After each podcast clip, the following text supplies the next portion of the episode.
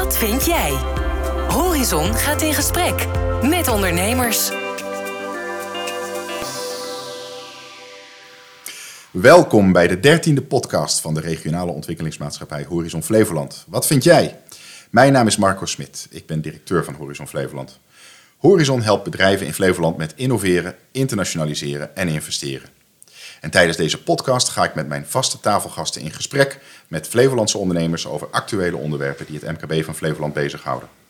We gaan dat vandaag doen met onze twee vaste gasten. Allereerst Mar Marcia Richardson, verandermanager en voorzitter van de Flevolandse Zakenvrouwen. Dag Marcia, leuk dat je er weer bent. Hoe gaat het? Ja, goed. En onze andere vaste tafelgast is Tom Lansink, directeur van schilder- en onderhoudsbedrijf Lansink BV. Welkom Tom, alles goed? Jazeker, dank je. Hartstikke mooi. En vandaag hebben we als speciale gasten Remco Meijerink, voorzitter college van bestuur bij ROC Free Support. Dag Remco, stel jezelf even voor. Ja, goedemiddag. Uh, ja, mijn naam is Remco Meijerink. Ik ben voorzitter van het college van bestuur van ROC Free Support, een school voor middelbaar beroepsonderwijs in uh, Flevoland en Friesland. En we hebben ongeveer 15.000 studenten. 15.000 studenten. Zo. Nou, ik uh, zie Tom al verlekkerd kijken. Allemaal potentiële arbeidskrachten, maar daar gaan we het zo dadelijk uitgebreid over hebben. Het onderwerp van vandaag is namelijk hoe kunnen ondernemers de weg naar de MBO's in de regio beter vinden en een grotere rol spelen om studenten de passieve ondernemerschap bij te brengen. In Flevoland staan we aan het begin van een aantal enorme transities, zoals de voedseltransitie, de materialentransitie en de energietransitie. In het FD stond onlangs een artikel van de Eneco-groep over de kloof tussen de energietransitie en de arbeidsmarkt. Daarin werd naast het belang van een intensieve samenwerking tussen bedrijfsleven, onderwijs en overheid ook benadrukt dat het bewustzijn over het belang van de transities bij jongere generaties omhoog moet. Remco, hoe kunnen we jonge mensen hiervoor enthousiasmeren en welke rol kan het bedrijfsleven hierin spelen? Ja, wij kunnen de jongeren enthousiasmeren via het onderwijs. De onderwijs het onderwijs uh, het, um, um, ik zit hier als ambassadeur van het onderwijs, is, is, is sleutel is de sleutel tot, tot heel veel oplossingen. En ik denk dat wij in ons onderwijs de jongeren kunnen enthousiasmeren voor dit soort vraagstukken. Uh, het is natuurlijk wel zo dat er op dit moment heel veel vraagstukken zijn. En dat er heel veel, vanuit heel veel verschillende invalshoeken wordt getrokken aan onze, aan onze jongeren. De horeca die zou heel graag willen dat we ze enthousiasmeren voor de, voor de horeca. De techniek voor de techniek, de zorg voor de zorg gaan we verder. Dus um, het is in die zin ook wel een, een complexe aangelegenheid die niet alleen op het bordje van het onderwijs ligt. En, en, en hoe merk je dat in de praktijk, in de dagelijkse praktijk, dat er aan die studenten getrokken wordt? Nou ja, wat wij natuurlijk merken is het, is het fenomeen groenpluk. Dat, dat hebben we ook tijdens corona al, al gezien. Groenpluk. De, de groenpluk, dat is, uh, dat wij noemen groenpluk dat studenten die nog in hun opleiding zitten, uh, dat die ja, eigenlijk uh, van school worden gehaald. Hè. Onze studenten lopen veel stage. Dat is trouwens uh, niet met kwade bedoelingen, hè, want ik snap ondernemers. Ik heb een zoon die zelf stage uh, uh, loopt. Ja, die loopt een half jaar, uh, 10, 20, 30 weken bij een bedrijf. Ja, en als je dan bevalt en je kunt wat, dan krijg je al vrij snel een baan aangeboden. Um, en ik snap dat vanuit de dynamiek van een, van een werkgever.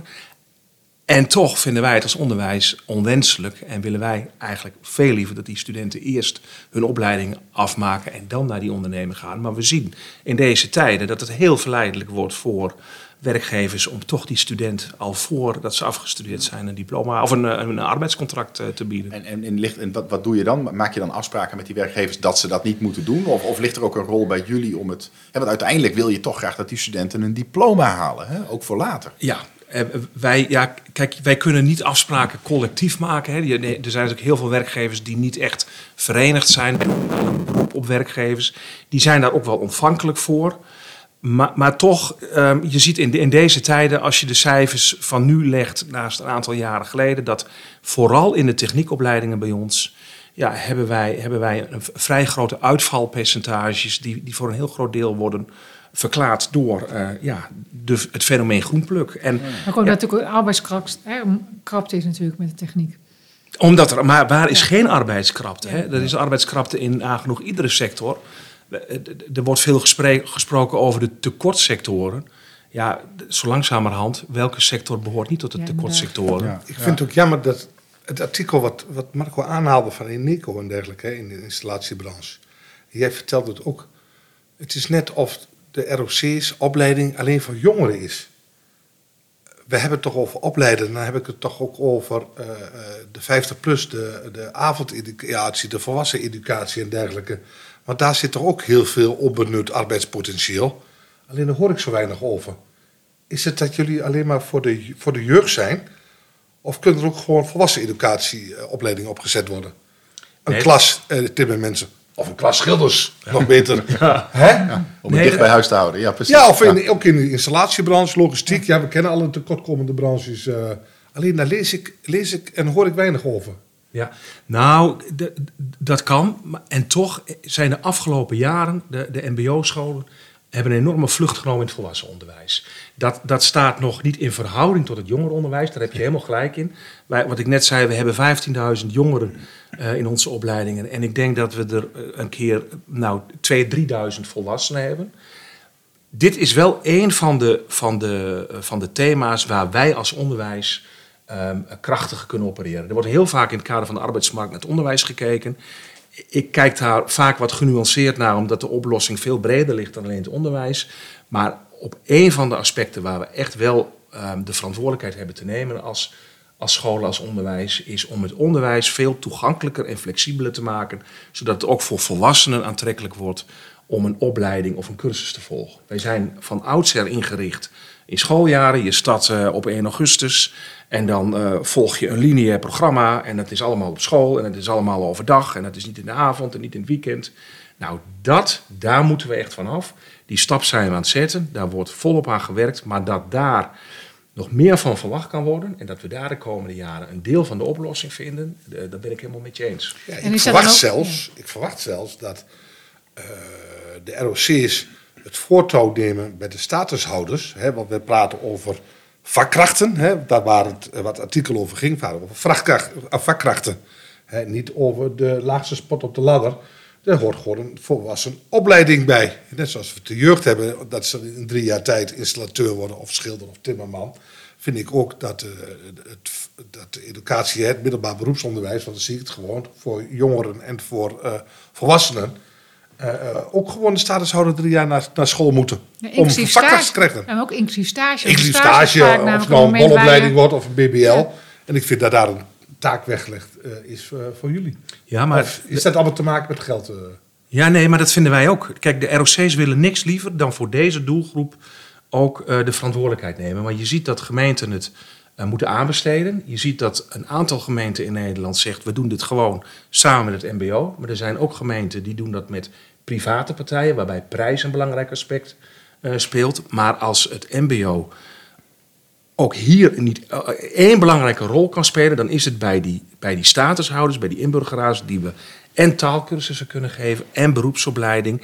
En die stage, dat is win-win-win, want je, leidt, je leert een taal, niet alleen in het klaslokaal, maar ook eh, in de praktijk door met, met, met, met, met Nederlandstalige mensen te werken. Je bent eh, betekenisvol bezig. Dus als het ergens een omgeving is om deze doelgroep ehm, eh, eh, ehm, de, de mogelijkheid te bieden om in te burgeren en ook om een baan te verkrijgen, dan zijn het wel de ROC's. Dat zijn we helemaal eens. Hey, en eh, even terug naar de jongeren. Ehm, wat, jullie hebben, je zei 12.000 of 15.000 eh, eh, studenten op dit moment. We hebben 15.000 studenten op dit 15.000, moment en ja. ik schat ongeveer 12.000 jongeren en 3.000 volwassenen. Wat motiveert hen? Waarom willen ze straks gaan werken? Waar, wat, wat, wat houdt hen bezig? De jongeren. Of De jongeren, ja. ja. Want Ja. die willen straks gaan werken. Wat, wi- willen ze straks alleen maar een baan om geld te verdienen? Ik denk het niet. Wat motiveert ze? Nou, dit is nou een van de punten waarvan ik vind dat, het, dat er te veel naar het onderwijs wordt gekeken. Van, van het volwassen onderwijs gaf ik net aan. Daar hebben we als onderwijs echt wat te doen. Men kijkt terecht naar ons. Bij de studiekeuze wordt er, vind ik, te vaak makkelijk gezegd... we moeten een stop zetten op die opleiding... en we moeten zorgen dat ze meer naar de techniek gaan. Maar wat jongeren motiveert... we hebben te maken met, met, met, met 16, 17-jarige jongeren... die hebben een droom voor ogen. Die willen, die willen, die willen eh, loodgieter worden, hè, dan, dan- zijn we heel blij. Maar als ze mediavormgever willen worden, dan zeggen we al, hè, wij niet, maar als maatschappij zou je dat nou wel doen. Eh, Laat staan als ze artiest zouden willen worden. Ehm, maar jongeren worden niet gemotiveerd door eh, waar verdien ik straks mijn meeste geld in. Jongeren worden gemotiveerd door ehm, eh, wat geeft mij betekenis. En ik vind dus ook, ik ben dus ook falikant tegen de discussies die landelijk plaatsvinden door nou, sommige belangenorganisaties van zet maar instroombeperkingen op opleiding X, Y, Z en zorg maar dat ze meer kiezen voor opleiding A, B, C. Mijn stelling is, zorg ervoor dat jongeren naar het onderwijs gaan, dat ze doen waar hun hart ligt. En dan komen ze altijd op hun pootjes terecht. Sommige, op, sommige studenten beginnen met... Vanochtend sprak ik een, eh, een, een ex-student van een oud-student van ons. Die was begonnen met CIO's. Nou, daar hangt ook altijd zo'n label op. Ja, CIO's, zou je sport. dat nou wel doen? Ja. En die is uiteindelijk onderwijskunde gaan studeren. En die is nu docent. Nou, dat soort, dat soort verhalen zie je heel vaak. Ehm, terwijl ze ook met CIO's sportdocent kunnen worden in het basisonderwijs. Dat is wel grappig. Ook Mijn- heel ja. belangrijk. Ik heb het zelf aan de hand. Hè. Mijn dochter is een paardendame. Die is gek van de paarden. Die zit op de manege en het is gewoon een ander kind. Die gaat natuurlijk paardenmanagement doen. Tegen iedereen die ik het zeg, dan zegt ze... Paardenmanagement? Weet je het zeker? Maar wat gaat ze doen dan? Geen idee. Iets met paarden. Maar Het kost toch alleen maar het geld? is, ja, het is Ja. een dure hobby. Maar men heeft ook helemaal geen beeld. Maar je kan er heel veel mee. Maar het is een basisopleiding waardoor je door kan stromen. Maar ik vind het grappig, de reactie die je krijgt. Want iedereen verwacht, oh, ze gaat een, een studie doen bedrijfskunde of een adviseur. Hè, ze verwacht gewoon iets heel anders. Maar uiteindelijk ik denk, ja, Het is wel de keuze van, uiteindelijk is het wel de keuze van de docent. Hè? Laten we zeggen, in onze basis. De groepjes zijn nog zo klein dat ze geclusterd worden. Dus hebben we een afdeling bouw. Hè? Nou, dan leren ze metselen, timmeren, schilderen. En moeten ze een keuze maken. Maar als je als leraar eh, bent, te- als oud timmerman of meubelmaker. Dan hoef je niet te vertellen waar de meeste keuze naartoe gaat. Ja, maar ik hoor Remco net ook zeggen dat die, dat die studenten een eigen intrinsieke motivatie hebben of een droom hebben. De Om ruimte om op deze leeftijd studenten van de ene opleiding naar de andere te bewegen, die ruimte is heel smal. Je kunt wellicht in de techniek zeggen van, joh, jij wilde timmerman worden, maar denk ook eens na over metselaar. Hè, of, of binnen de zakelijke dienstverlening, dat je zegt, joh, je wilde, je wilde juridisch adviseur worden, misschien is, is, is, is, is arbeidsmarktadviseur. Die ruimte is er marginaal. Maar iemand die bij ons binnenkomt en die zich oriënteert op een opleiding mediavormgever, die krijg je met geen mogelijkheid naar de techniek en dat zou je ook niet moeten willen. Je moet zorgen dat ze gemotiveerd zijn voor hun studie, dat ze hun studie afmaken. Het gaat niet alleen over het aanleren van een beroep, maar over de bredere vorming. Eh, Dat speelt zich ook allemaal af op school. Laten we maar zorgen dat we ze op school houden. Eh, dat ze daar met plezier naartoe gaan. En dan komt het beroep komt later. En vanzelf. tegelijkertijd, ik, ik, volgens mij heb je helemaal gelijk. En tegelijkertijd, en daar begon ik mijn verhaal ook mee, hebben we als maatschappij wel bepaalde beroepsgroepen nodig om die enorme transities eh, straks te kunnen ver- versnellen. Hè? Om Zeker. dat ook daadwerkelijk aan te kunnen. Wat kun je, hè, dus ik snap de, de, de vraag enerzijds van de overheid ook wel van ja, we hebben eigenlijk meer van dit nodig. Ik snap ondernemers ook wel die zeggen ja, maar wij hebben personeel nodig. Ehm, wat, wat kun je, en, en ik hoor jou zeggen, ze moeten hun droom kunnen najagen. Hoe kun je dat bij elkaar brengen? Nou, dat kun je door bij elkaar brengen. Ik ontken niet dat we als onderwijs een verantwoordelijkheid hebben. Er, zijn, er is vorige week een brief vanuit zes ministeries naar de Kamer gegaan over de arbeidsmarktproblematiek. Ik ben daar heel blij mee, want dat geeft aan. Het is niet alleen een brief vanuit het ministerie van Onderwijs. Wat gaat het onderwijs doen? Nee, ook eh, economische zaken is erbij betrokken. Eh, ook andere ministeries. Wat het onderwijs moet doen en kan doen, is A, ervoor te zorgen dat het volwassen onderwijs, dat leven lang ontwikkelen, dat we daar veel beter voor toegerust zijn, dat we veel flexibeler zijn en dat wij volwassenen die zich willen, die zich willen laten omscholen of bijscholen, dat we daar, dat we niet tegen hen zeggen, nou, over een half jaar is het 1 augustus, dan kun je beginnen en je moet eerst lineair het hele programma doorlopen en dan, eh, dat we maatwerk hebben voor die groep, dat is één. Twee is dat we als onderwijs nog beter, en we doen dat al heel veel beter dan jaren terug, nog beter kunnen samenwerken met het bedrijfsleven. Als ik hem, als ik hem chargeer, dan zeg ik, vroeger was het zo, je had onderwijs en je had stage. En die twee lagen mijlen ver uiteen. en eh, op school deed je wat en op stage deed je wat en uiteindelijk kreeg je een diploma. Je ziet nu dat de integratie met het bedrijfsleven veel meer tot stand komt. Eh, bedrijven komen bij ons lesgeven. Wij komen onderwijs verzorgen in het bedrijfsleven. En daardoor wordt, wordt die, dat, die, die, die kloof die er voorheen was tussen onderwijs eh, en bedrijfsleven, die wordt steeds kleiner. En daardoor sluiten wij steeds beter aan bij de wensen van de arbeidsmarkt. En Die hoe kunnen bedrijven zich aanmelden als zij eh, geïnteresseerd zijn? Ik kan best wel zijn dat bedrijven die dit nu horen denken... hé, daar wil ik ook een bijdrage aan leveren. Ik kan misschien ook wel wat les geven. Ik kan eh, de wisselwerking daar ook opzoeken. Ja, maar daar kom ik op terug. Maar ik wilde even. De- Maar mijn, het punt waarvan ik zeg, daarvoor moet je niet bij het onderwijs zijn, is het punt van laten die scholen maar zorgen dat er meer jongeren kiezen voor de eh, techniek of voor de zorg. En dat er minder jongeren kiezen voor eh mediavormgever, voor artiest, voor zakelijke dienstverlening. Want daar hebben we er niet zoveel van nodig. Daarvan zeg ik, daar ben ik het niet voor mee eens.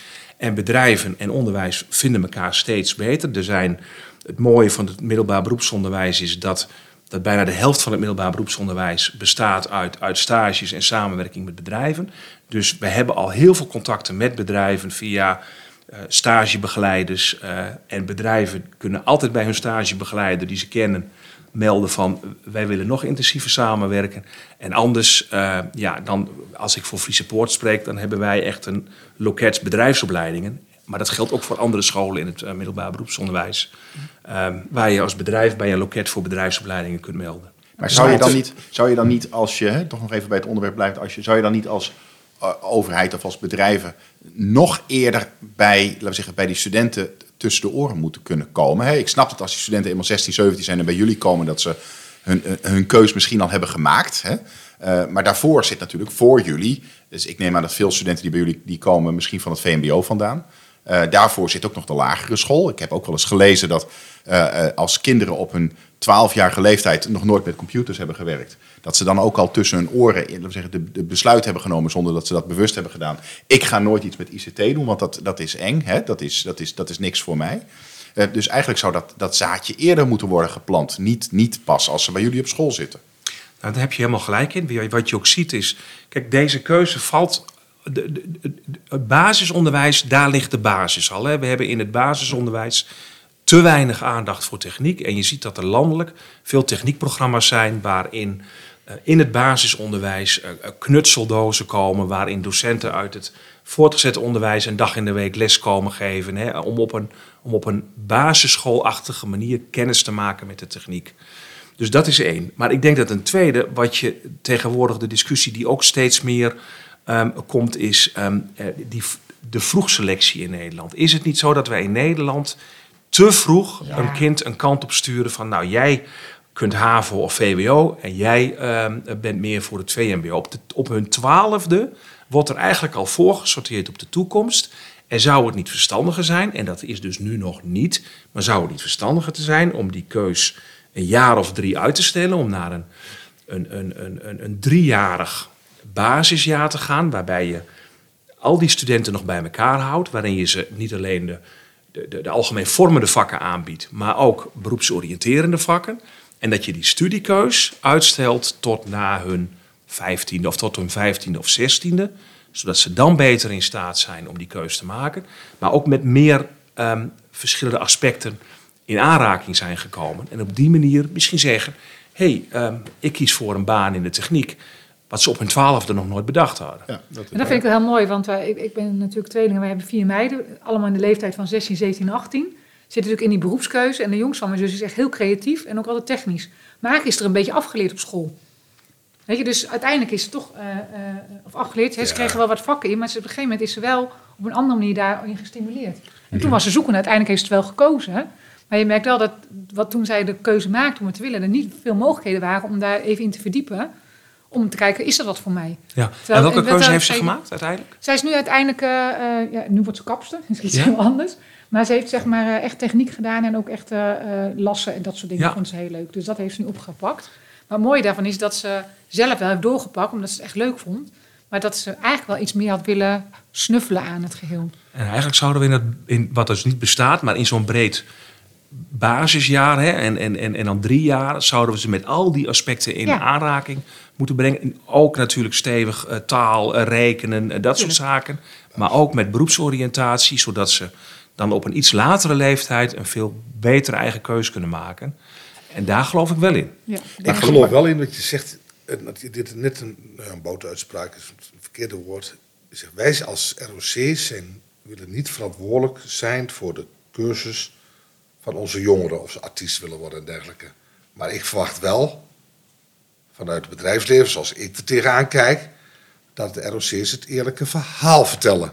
Want ben je nou gelukkig als je allemaal artiestenopleiding doet en er is maar voor een kwart een baan?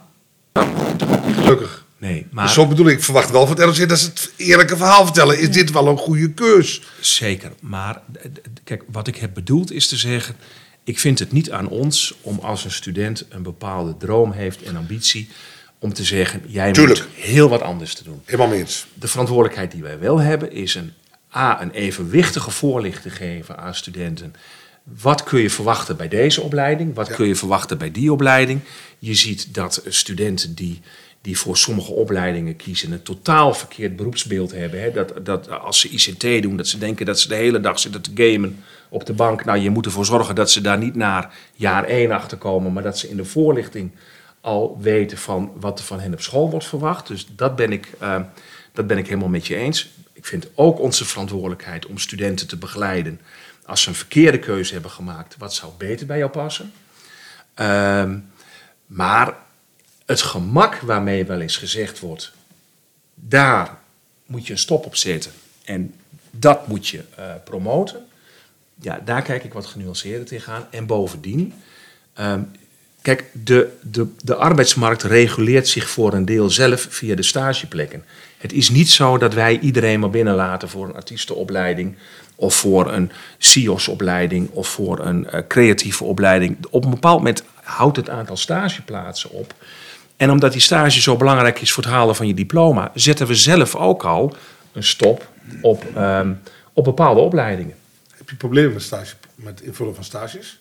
Wij hebben soms problemen met het invullen van stages. Hè? En als dat een indicator is voor het arbeidsmarktperspectief, dan zetten we een, een, een stop op, op opleidingen, een instroombeperking. Maar soms, kijk, een stage is ook het investeren in een toekomstige medewerker. Maar het betekent wel dat je in die stagiair tijd moet steken. En dat je als, als werkgever geld moet steken in zo'n uh, in zo'n stagiaire. Ja, en we zien toch dat er is al arbeidsmarkt, er is al krapte. Dus heb je nou in de drukte van je eigen onderneming nog tijd om een student te begeleiden? En, en dan wordt er wel eens gekozen voor het beperken van het aantal stagiaires. Maar op de langere termijn heb je daar jezelf mee. Zeg, het is eigenlijk een korte termijn beslissing. Hè? Dat zijn eigenlijk ja. die waar ik ook begrip voor heb. Ik snap heel goed Ja. dat je, uh, als je de handen vol hebt aan, aan, je, aan, aan, je business, dat je geen tijd hebt om nog volwaardig een student die het vak nog moet leren, om die te begeleiden. Uh, maar het is op de korte termijn een, uh, het is, het is een korte termijn beslissing. Ja. Maar ook dat soort stagetekorten komen voor. En waar, okay. waar, waar, heb je nou waar hebben jullie behoefte aan? Wat voor bedrijven, de luisteren ondernemers naar deze podcast, wat voor ondernemers moeten zich nou bij jullie melden en zeggen: wij willen wel, uh, wij hebben plek voor stagiaires. En waar jullie ook als ROC Friese Poort van zeggen: dat hebben we echt heel erg nodig. Ja, kijk, als je dat nu aan mij vraagt, dan zeg ik: het, het probleem, ja, het, het, het, probleem is niet heel groot. Wij hebben, we hebben meer stages, uh, we, we, we, hebben meer, meer stageplekken dan, dan studenten. Okay. Um, en natuurlijk is er wel eens wat frictie dat je in een bepaalde vestiging, in een bepaalde plaats even een tekort hebt. Maar het is niet zo dat wij op dit moment ons onderwijs geen doorgang kunnen laten vinden, omdat er een groot gebrek aan stageplekken is. Dat hadden we in coronatijd uh, wel, hè, dat we vorig jaar, twee jaar geleden in bepaalde sectoren wel. Dicht, ja. Maar dat speelt nu niet. Maar wat we nodig hebben is ondernemers die ook op het moment dat er, um, dat er um, uh, uh, minder vraag is, toch die stagiaires een plek gunnen. Het is, ik kom altijd met het voorbeeld van, uh, van de bouw. We hebben nog, we zitten nog in de, in de, in de, in, we hebben nog last van de bouwcrisis van tien jaar geleden, waarbij bouwbedrijven massaal mensen op straat hebben moeten zetten en dus ook geen plek hadden voor stagiaires. Dat heeft het imago van de bouw lange tijd geen goed gedaan. Studenten kozen niet meer voor de bouw, want ja, daar, had je, daar kon je geen stageplek vinden en geen werk. En toen het aantrok, een aantal jaren geleden, was het nog steeds lastig om, um, daar, stage, om daar stageplekken voor te vinden. Dat na-L-effect dus, duurt precies. best wel lang. Ja. Dus je hebt een stuk continuïteit en stabiliteit nodig in die stageplekken. En dat betekent ook in de, in de samenwerking. En wat ik net zei, die samenwerking tussen bedrijfsleven en onderwijs, die is steeds intensiever en steeds beter. Dus ja, ik zie, ik, ik zie ook, ik heb er ook wel vertrouwen in dat mocht er zich in de toekomst weer, mocht het weer omslaan, dat er toch meer bedrijven die verantwoordelijkheid nemen om desondanks uh, stagiaires aan te nemen. En hoe van die stagiaires blijven nou bij zo'n bedrijf uh, in dienst? Zijn die in dienst? Heb je daar een beetje een idee bij? Nou, ik durf je dat niet in percentages te zeggen, maar voor de gemiddelde MBO-student geldt dat ze een opleiding zoeken in hun eigen regio. Dat ze, als het enigszins kan, een stageplek zoeken in hun eigen regio. En dat ze best vaak bij een van hun stagebedrijven. En het hoeft niet ja. het laatste stagebedrijf te zijn. Dat kan er ook eentje zijn, dat leerjaar 2 of leerjaar 3. Maar dat ze bij zo'n stagebedrijf blijven hangen. En ook daarom vind ik het belangrijk, ook voor Flevoland je ziet ook dat, dat nou ja, we hebben een school in Emmeloord. Zwolle is aantrekkelijk. Nou, als je naar Zwolle naar school gaat, ga je ook, eh, eh, ben je eerder geneigd om naar Zwolle naar een stageplek te gaan. Of voor Almere naar Amsterdam. Ja, voordat je het weet ben je via de stageplek eh, eh, toekomstige arbeidspotentieel in je eigen regio kwijt. Ja, en met onze HBO's, ik ben blij om te horen dat er in principe helemaal geen stagediscriminatie is bij jullie. Nou, ik denk dat de stagediscriminatie in onze regio meevalt. Ik, ik, zeg, ik zeg nooit nooit. Het is een landelijk thema, maar het komt mij niet ter oren in onze eh, school, in onze regio, dat er sprake is van stagediscriminatie. En- Maar ik durf het natuurlijk ook nooit uit te sluiten. Nee, oké, maar het, is, het, is niet, het komt niet tot de raad van, van, eh, van Nee. commissarissen eh, Nee. dat een hot item is. Nee. Hey, Remco, nou heb ik eh, een, een tijdje geleden studenten bij jullie gezien die ook eh, eh, met, met het thema ondernemerschap bezig waren. Die waren, eh, ja, de kleine bedrijfjes hadden ze opgezet en die konden daar ontzettend enthousiast over vertellen. Zie jij dat, dat, dat ondernemerschap, zie je dat, dat, eh, dat de interesse daarvoor toeneemt, eh, gelijk blijft of misschien juist wel achteruit gaat? Eh, eh, ehm, zie je daar een bepaalde trend in bij studenten? Nou, nee, wij, hebben, ik, ik zie niet daar echt een, een, een, trend in. Ik, ik heb die cijfers zo niet paraat. Wij, hebben, wij, wij stimuleren ondernemerschap. We stimuleren ook, dat is nog iets breder, een ondernemende houding.